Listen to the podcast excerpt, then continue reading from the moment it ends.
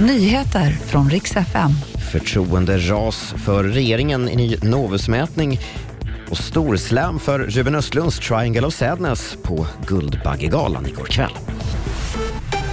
God morgon. Vi ska börja med att förtroendet för regeringen fortsätter att sjunka. I en ny Novusmätning har regeringen förtroende hos 23 procent av väljarna. En minskning med 11 procentenheter jämfört med, med i oktober. Det rapporterar Ekot. Minst sju personer har dött i en massskjutning i Kalifornien, den andra massakern i delstaten på några dagar.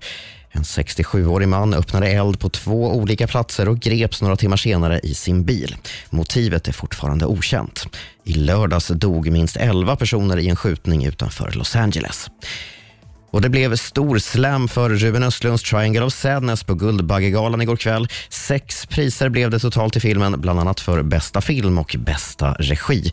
Den folkkäre skådisen Björn Gustafsson, som hunnit bli 88 år, fick årets hederspris och dessutom stående ovationer. Och det var de senaste nyheterna med Robin Kalmegård.